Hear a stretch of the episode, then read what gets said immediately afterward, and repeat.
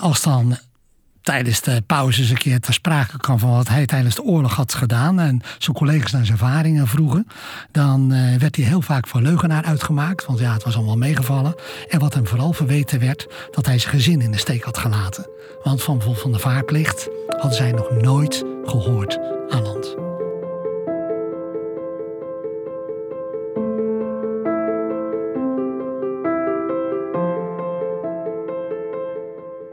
De Tweede Wereldoorlog is voorbij. Angst en onderdrukking maken plaats voor vreugde en vrijheid. Maar is het wel zo eenvoudig? Want hoe voelt het om na jaren op zee weer terug te keren naar huis? Betekent het einde van de oorlog ook dat iedereen weer terug naar huis mag? En hoe is het de gezinnen van de zeelieden al die tijd vergaan? Hoe zijn zij de oorlog doorgekomen? Mijn naam is Lianne van den Doel, militair historicus bij het Nederlands Instituut voor Militaire Historie. Je luistert naar een podcast over de Nederlandse koopvaardij tijdens de Tweede Wereldoorlog. Dit is Zij hielden koers, aflevering 5. Thuiskomen.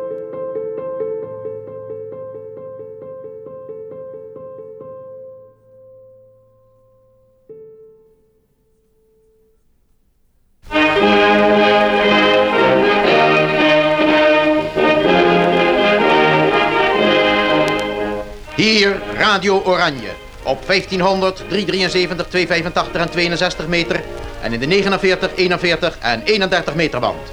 Goedenavond, luisteraars in Nederland, in Oost en West, op zee of waar ook ter wereld. Begin mei 1945 is heel Nederland bevrijd. Sommige mannen van de koopvaardij hoorden over de Duitse capitulatie in een buitenlandse haven. Velen hoorden het volle zee. Nederland is vrij. Het Duitse leger heeft gecapituleerd.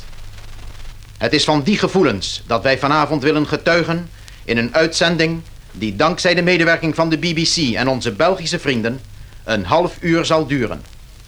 Een uitzending die wij willen beginnen met u de woorden te doen horen, hedenmiddag uitgesproken door de minister-president.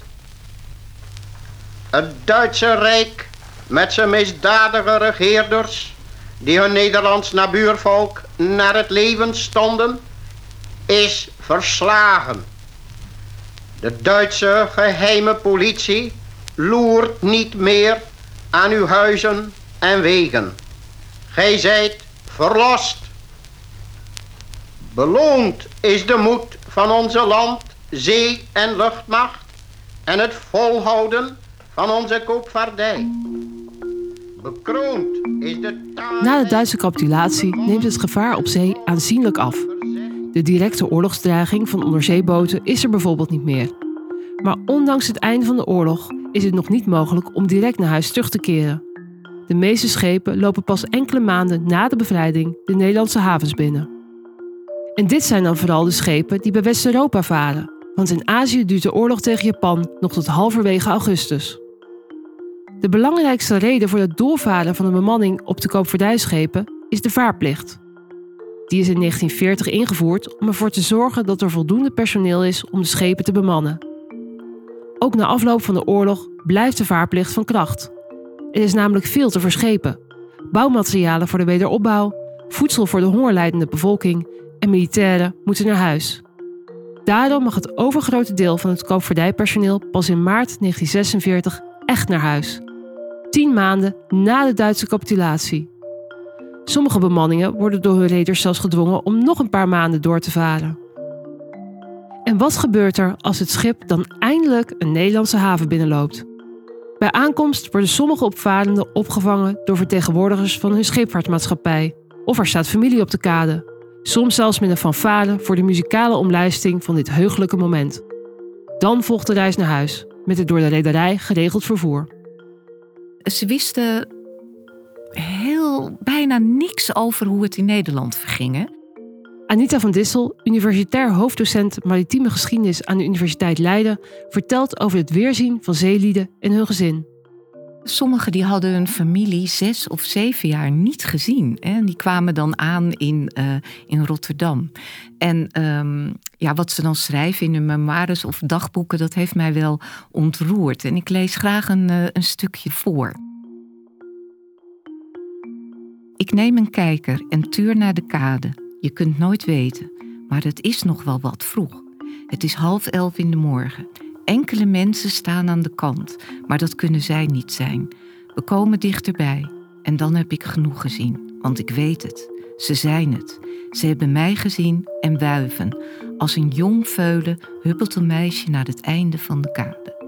Het is mijn dochter.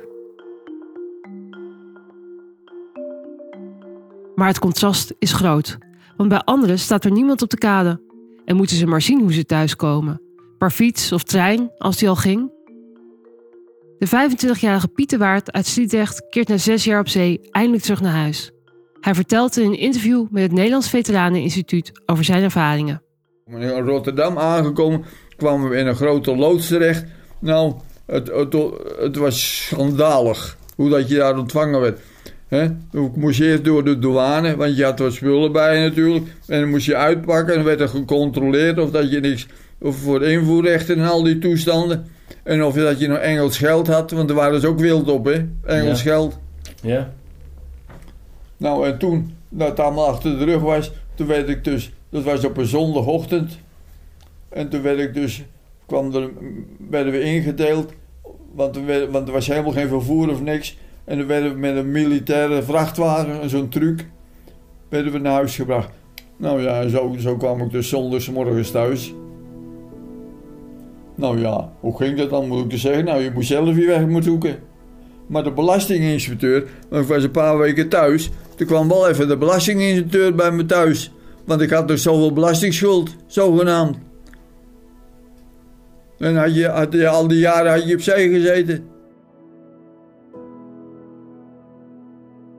De omstandigheden bij thuiskomst zijn voor iedereen anders. De een treft een versierd huis aan, terwijl een ander thuiskomt in een leeg huis. Of de verloofde blijkt met een ander te zijn getrouwd. Want het leven tijdens de oorlog in Nederland is op sommige punten gewoon doorgegaan. In welke omstandigheden de thuiskomst ook is, wat voor bijna iedereen hetzelfde is, is het gevoel van vervreemding, ontheemd zijn. Je hoort Adrie van Vliet, teamhistoricus bij het Nederlands Instituut voor Militaire Historie. Nou, zeker bij thuiskomst uh, was de interesse in wat uh, de mensen op zee hadden meegemaakt uh, eigenlijk helemaal niet groot. Ongetwijfeld denk ik dat erbij meespeelde dat Thuisfront zelf natuurlijk ook het nodig had meegemaakt tijdens de Duitse bezetting. En eigenlijk zelf nog bezig was om die ervaringen te verwerken. En wat je ook ziet, is een beetje gemeengoed. Want je ziet het ook bij de terugkeer van uh, militairen uit krijgsgevangenschap. Je ziet het de terugkeer van uh, mensen uit concentratiekampen. Je, ja, men wilde vooral de oorlog achter zich laten. En vooral vooruitkijken, inzetten voor de wederopbouw. En ik denk dat een beetje het motto in die tijd toch wel gold van niet achterom kijken, maar vooral vooruitkijken. Dus er was eigenlijk heel weinig begrip en belangstelling voor datgene wat de ander had meegemaakt tijdens de oorlogsperiode. Het onbegrip is er in de maatschappij en thuis. Want ook veel familieleden vinden het maar moeilijk om weer in elkaars leven te passen. Het verhaal van Gerrit Winterswijk, die al eerder hoorde in deze podcast, is daarbij illustratief. Winterswijk komt een dag voor kerst in 1945 aan in Amsterdam. Net op tijd voor de feestdagen thuis, na zes jaar afwezigheid. Maar dan krijgt hij een telegram met het bericht dat hij zich direct na de kerstdagen weer moet melden bij zijn schip. Op Oudjaarsdag vaart Winterswijk weer uit. Na de dag na de kerst in Amsterdam. En daar waren we allemaal op één na. En we waren zo blij dat we elkaar weer zagen. Sprekelijk dat we met elkaar getrouwd waren. Ja, stonden elkaar te omhelzen. En iedereen had hetzelfde verhaal van Jezus, ze zijn allemaal in de ondergrondse geweest. Of ze zijn koerier geweest, of ze zijn dit geweest. En we waren blij dat we, ik ook hoor, ik voelde me, ik, ik voelde me niet meer thuis.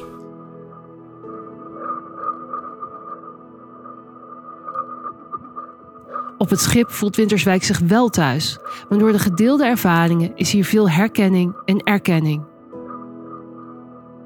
De mannen van de koopvaardij voelen zich vaak niet begrepen, maar dat geldt net zo goed voor de achtergebleven gezinnen. Tijdens de oorlog leefden gezinnen met het motto flink zijn en moed houden. Ze horen niet alleen niets van hun vader en familie op zee, ook moeten zij leven met de gevolgen van de vaarplicht. Eerder hoorden we al over de angst van tweede stuurman Cornelis Snelleman. Hij vreesde in 1940 voor de Duitse represailles richting zijn achtergebleven familieleden, omdat hij moet doorvaarden voor de geallieerden. Die angst blijkt terecht. Het thuisfront in Nederland wordt tijdens de oorlog financieel gestraft voor het doorvaren van de zeelieden. Zij krijgen een veel kleiner deel van het koopvaardijsalaris uitgekeerd dan voor de oorlog. Veel gezinnen zijn daardoor tot armoede veroordeeld. Je ziet in uh, oktober 41 uh, dat de rederijen uh, verboden wordt om het volledige gage, wat ze normaal gesproken uitbetaalden aan het thuisfront, om dat toch uit te betalen. Ze moeten, mochten toen alleen maar gemaximeerde bedragen uitbetalen. En ja, die waren eigenlijk vergelijkbaar met de toenmalige bijstand. Nou, dat was echt heel weinig. Daar kon je eigenlijk niet van leven. En je ziet dan ook dat veel koopvaardijgezinnen echt hierdoor in een hele diepe armoede raken. En sommigen ja, die uh, ontvangen dan nog wel een aanvullende uitkering. En die is dan afkomstig uit een illegaal fonds, de Zeemanspot. En dan kunnen ze enigszins het hoofd boven water houden. En verder zijn ze vooral aangewezen op uh, ja, de omgeving dat hier bij staat. Dit financieel afknijpen van de gezinnen door de Duitse bezetter heeft niet het gewenste effect. Namelijk het uit de vaart gaan van de Nederlandse koopvaardijvloot. Er komt juist een tegenreactie op gang. Er wordt hulp voor de getroffen gezinnen georganiseerd, waarbij grote sommen geld worden ingezameld. Dit betekent niet dat alle gezinnen uit de zorgen zijn, want een vetpot wordt het nooit. En in de laatste oorlogsjaren is er maar bar weinig om nog te kopen, geld of geen geld. Deze oorlogsgevolgen dragen de achtergebleven gezinnen noodgedwongen alleen, net als de mannen het leed op de schepen alleen ondergaan.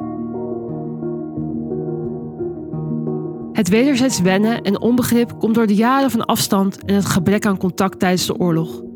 Brieven zijn maanden onderweg, soms komt de post aan, maar vaak ook niet. En de sensor leest altijd mee tijdens de oorlog. Dus vertellen waar je bent, hoe het echt met je gaat, het kan allemaal niet. Redersvrouw Lisbeth Ruijstork is tijdens de Duitse bezetting in Nederland achtergebleven met haar pasgeboren dochtertje. Haar man werkt in Londen bij de shipping. Ze hebben sporadisch briefcontact en altijd onder pseudoniem. Want als de bezetter weet wie haar man is, bestaat de kans dat ze wordt opgepakt. Ruijs Stork schrijft tijdens de oorlog in haar dagboek over haar zorgen en gevoelens en ook over wat de vijf jaar afwezigheid van haar man doet met hun relatie. Ik geloof dat de moeilijkheid daarin zit. Dat ik van je houd zoals je bent in mijn herinneringen. En dat is voorbij. Ik kan nog niet van je houden zoals je nu bent geworden, omdat ik je nu even niet ken. De afstand, tijd en impact van de oorlog. Het verandert geliefde en onbekende. Verjaardagen, geboortes, verlies, ziekte en ander lieve leed. Al die grote en kleine momenten vinden plaats in elkaars afwezigheid. De zeemansvrouwen staan er vaak alleen voor en kunnen hun vadende partners niet of nauwelijks bereiken. De enige vorm van contact zijn dus die spaarzame, gecensureerde brieven. En berichten die worden gepubliceerd in het blad De Vadende Hollander of worden voorgelezen op radiozender De Brandaris in Londen.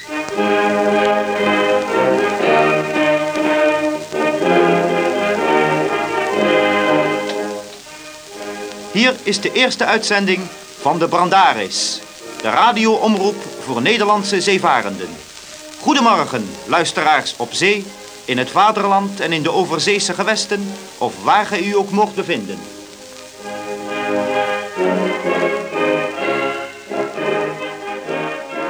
Aan tweede stuurman Leendert van den Berg uit Vlaardingen van zijn vrouw. Zij en kleine Nelly maken het goed. De vader van Leendert is op 29 april 1942 overleden. Dit bericht klinkt een jaar na het overlijden op radio De Brandaris. Of neem dit bericht. Voor eerste stuurman Cornelis Baak uit Scheveningen van zijn zuster Lena en zijn broer Adi, die nu met Geertje getrouwd is.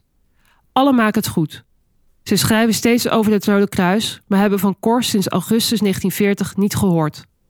Dat bericht wordt verspreid in april 1943. Er is dan al ruim 2,5 jaar geen contact met broer Cor. Het Rode Kruis zorgt voor de correspondentie tussen de zeelieden en het thuisfront, als neutrale partij. De brieven worden soms maanden na versturen pas bezorgd. En de hulporganisatie informeert de families over vermissing, wat in de meeste gevallen betekent dat er sprake is van overlijden. Deze mededelingen van vermissing of overlijden kunnen vaak pas maanden later worden doorgegeven. Families leven daardoor lang tussen hoop en vrees en velen kunnen niet aanvaarden dat hun man, zoon of vader niet terugkeert. Zolang er geen definitief bericht is over hun lot, blijven ze hoop houden. En er zijn altijd de uitzonderingen die de hoop van anderen blijven voeden. Neem het verhaal van Jan de Mul, die we eerder hebben leren kennen in deze podcast. Zijn vrouw krijgt in 1943 bericht dat de Mul al meer dan een jaar is vermist. Nadat hij de aanval van de Japanse onderzeeboot heeft overleefd, is het de bedoeling dat hij aanmonstert op het schip Buro. Dit schip wordt getorpedeerd op weg naar Australië en het gerucht gaat dat alle bemanningsleden zijn omgekomen. Officieel is de mul daarmee vermist en zijn vrouw krijgt van het Rode Kruis de kennisgeving dat hij is overleden. Hij is alleen nooit aangemonsterd op de Buro omdat hij ziek was. Op oudjaarsavond 1945 komt hij weer thuis. Maar niet alle mannen keren terug van zee. Adrie vertelt over de samenstelling van het koopvaardijpersoneel en de verliezen die door de koopvaardij zijn geleden tijdens de Tweede Wereldoorlog. Ja, cijfers zijn altijd gevaarlijk, maar even wat eh, achtergrond. Ik denk eh, dat er ongeveer in de periode van de vaarplicht en de Tweede Wereldoorlog aan Nederlandse koopvaardijschepen op zee waren, waren er 640 zeeschepen, aangevuld door zo'n 200 kustvaarders. Dan laten we de visserschepen even buiten beschouwing. En die voerden dus onder verantwoordelijkheid van de Nederlandse regering ten dienste van de geallieerde inzet. Totaal waren daar denk ik zo 18.500 inwoners van het Koninkrijk bij betrokken. Ik zeg bewust Koninkrijk, want ongeveer zo'n 6500 van die 18.500 waren afkomstig uit Nederlands-Indië, uit Suriname en de Antillen. En als je dan kijkt naar de slachtoffers van hen zijn er uh, zeker 3300 omgekomen. Uh, als gevolg van directe oorlogshandelingen. En ik denk ook nog zo ruim 400 500 stierven aan ongevallen of uh, ziektes. Dus in totaal zitten we bijna op 3800 mensen. Voor hen die achterblijven en een groot verlies doormaken, is het leven nooit meer hetzelfde. En ook voor de mannen die wel terugkeren van zee, is het leven niet makkelijk. Vrijwel allemaal lopen ze in die eerste naoorlogse jaren tegen praktische problemen aan. In Nederland is nauwelijks huisvesting beschikbaar voor de gerepatrieerde mannen. Laat staan psychologische nazorg. Nederland moet weer opgebouwd worden. De uitdagingen van het dagelijks leven zijn groot. Zo zijn voedselvoorraden nog steeds beperkt. We horen nog een keer een interview met Gerrit Winterswijk, die we eerder over zijn ervaringen op zee hoorden praten en over zijn terugkeer in Nederland. Als hij definitief terugkeert in Nederland, vraagt hij distributiebonnen aan. Hij zegt, wij delen ook geen bonnen uit, zeggen daar nog bij. U woont hier trouwens niet. Oh nee.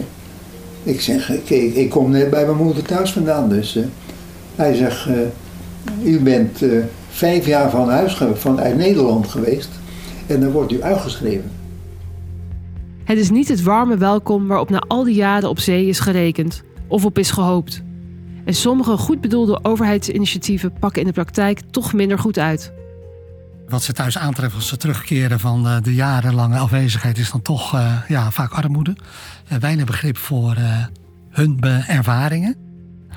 En je ziet er ook dat vanuit de overheid er heel veel misgaat om de financiële kant van hun thuiskomst te regelen. Mooi initiatief vanuit de regering was het kerstensverlof. Dat wil zeggen, zeelieden kregen een soort buitengewoon verlof van ruim 60 dagen met behoud van gage.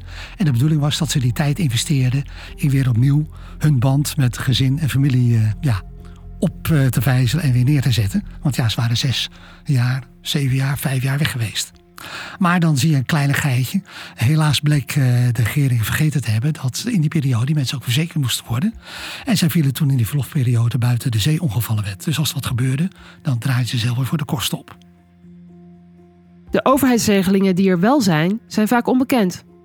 Ja, je ziet gewoon dat de communicatie over dit soort uh, mogelijke steunmaatregelen heel slecht was. En ik uh, kwam in 1999 bij de marine werken en uh, toen bij het Instituut voor Maritime Historie. Het had daar een heel mooi koopvaardijarchief in huis namens Rijkswaterstaat. En waarom hadden we dat? Omdat dat dat nog steeds ja, gebruikt werd voor mensen die eh, niet op de hoogte waren geweest van de vaarplichtbeloningen. Dus in 99, 2000, 2001 waren er nog steeds eh, mensen, vaak eh, diezelfde gevaren hadden of de nabestaanden ervan, die nog recht hadden op de vaarplichtbeloning. En met behulp van dat archief, wat bij het Instituut voor Maritieme Historie berustte, konden alsnog die vaarplichtbeloningen worden uitgekeerd. Maar natuurlijk heel, eh, heel schrijnend dat het zo lang na dato nog moest plaatsvinden. Die financiële afwikkeling is na de oorlog een pijnlijk punt. Want de compensatie of de uitbetaling van salarissen waar de mannen nog recht op hebben, wil niet vlotten. Maar het totale gebrek aan herkenning van het leed wat het koopvaardijpersoneel tijdens de oorlogsjaren heeft doorstaan, is voor velen een nog veel grotere pijn. Nou, wat je vooral dus uh, ziet in uh, Nederland, dat men uh, zich beperkt tot in eerste instantie een soort herinneringsteken als blijk van waardering, het oorlogsherinneringskruis. En zelfs dat kregen veel mensen nog ineens omdat ze het niet wisten. En ook dat was een punt wat nog tot ver in de jaren 2000 alsnog postuum vaak uitgereikt werd aan de familie. Je ziet gewoon dat toch de behandeling van veteranen, of nou militairen waren of koopvaardijmensen, in Engeland gewoon ja, beter geregeld was. Waarschijnlijk heeft dat ook nog te maken met het feit dat we natuurlijk een, zekere ervaring had opgedaan in de Eerste Wereldoorlog. Nederland was toen neutraal, wij kenden dat ook niet. En ja, je ziet ook gewoon bij de koopvaardijveteranen zelf ook, men voelt zich toch eigenlijk uh, ja, een beetje weggezet. Toch op zich was er wel wat erkenning hoor, dat moeten we ook niet helemaal wegpoetsen. In 1947 was al de wet uh, op buitengewoon pensioen zeelieden oorlogsslachtoffers. Waarbij dus uh, arbeidsongeschikte koopvaardijmensen en nabestaanden geholpen werden. En met name ook het Prinses Margriet Fonds heeft heel veel gedaan. Zorgde uh, tijdens de oorlog voor de zeelieden die elders verbleven.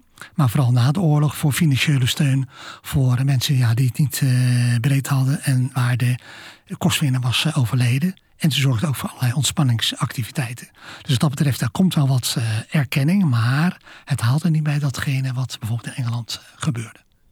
In 1957 wordt aan de Boompjeskade in Rotterdam, tussen de Nieuwe Maas en de Leuvenhaven, een monument voor de zeevarenden onthuld. Het Nationaal Koopvaardijmonument De Boeg. Het abstracte kunstwerk valt niet bij iedereen in de smaak. Daarom wordt er later een bronzen beeldengroep aan toegevoegd.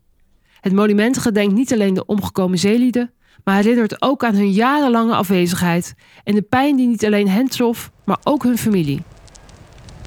Jaarlijks wordt hier op 4 mei de inzet van de Nederlandse koopvaardij tijdens de Tweede Wereldoorlog herdacht. Dit hoog oprijzend teken, deze boeg symboliserend het schip dat de golven klieft. Dit is de stem van toenmalig minister van Verkeer en Waterstaat Jacob Algera.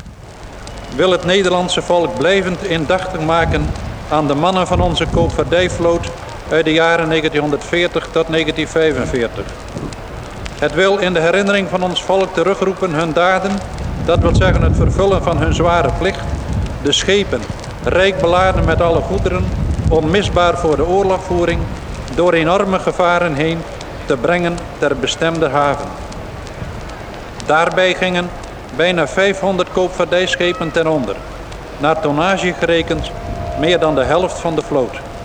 En wat nog meer zegt, 3500 mannen varende op Nederlandse schepen, blank en bruin en van zwarte gelaatskleur, lieten daarbij hun leven, behalve nog de velen die blijvend invalide werden.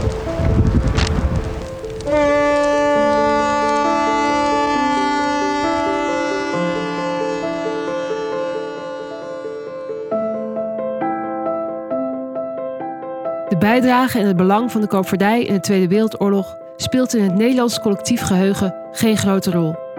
De duizenden mannen die zonder dat zij daarvoor kiezen worden ingezet voor de geallieerde strijd, voelen jarenlang weinig begrip, erkenning en waardering voor hun inspanningen. De zeelieden zijn niet de enige met deze ervaring. Grote groepen oorlogsslachtoffers ervaren hun terugkeer in Nederland net zo.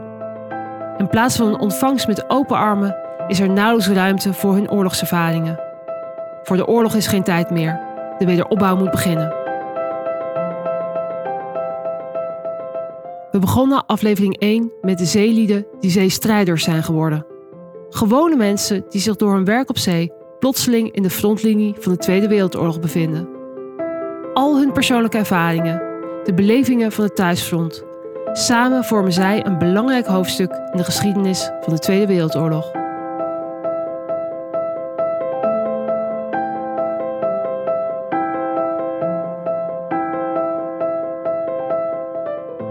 Zij hield de koers is een productie van het Nederlands Instituut voor Militaire Historie en het podcastkantoor. Deze podcast is gemaakt door mijzelf, Lianne van den Doel, Wietske van Oostveen en Tessa Mulders. Met in deze aflevering een speciale dank aan Anita van Dissel en Adrie van Vliet. Mocht je dit een goede serie vinden, laat dan vooral even een review achter, zodat we beter vindbaar worden voor nieuwe luisteraars. Wil je meer weten over de koopvaardij in de Tweede Wereldoorlog? Kijk ook eens op militairepodcast.nl.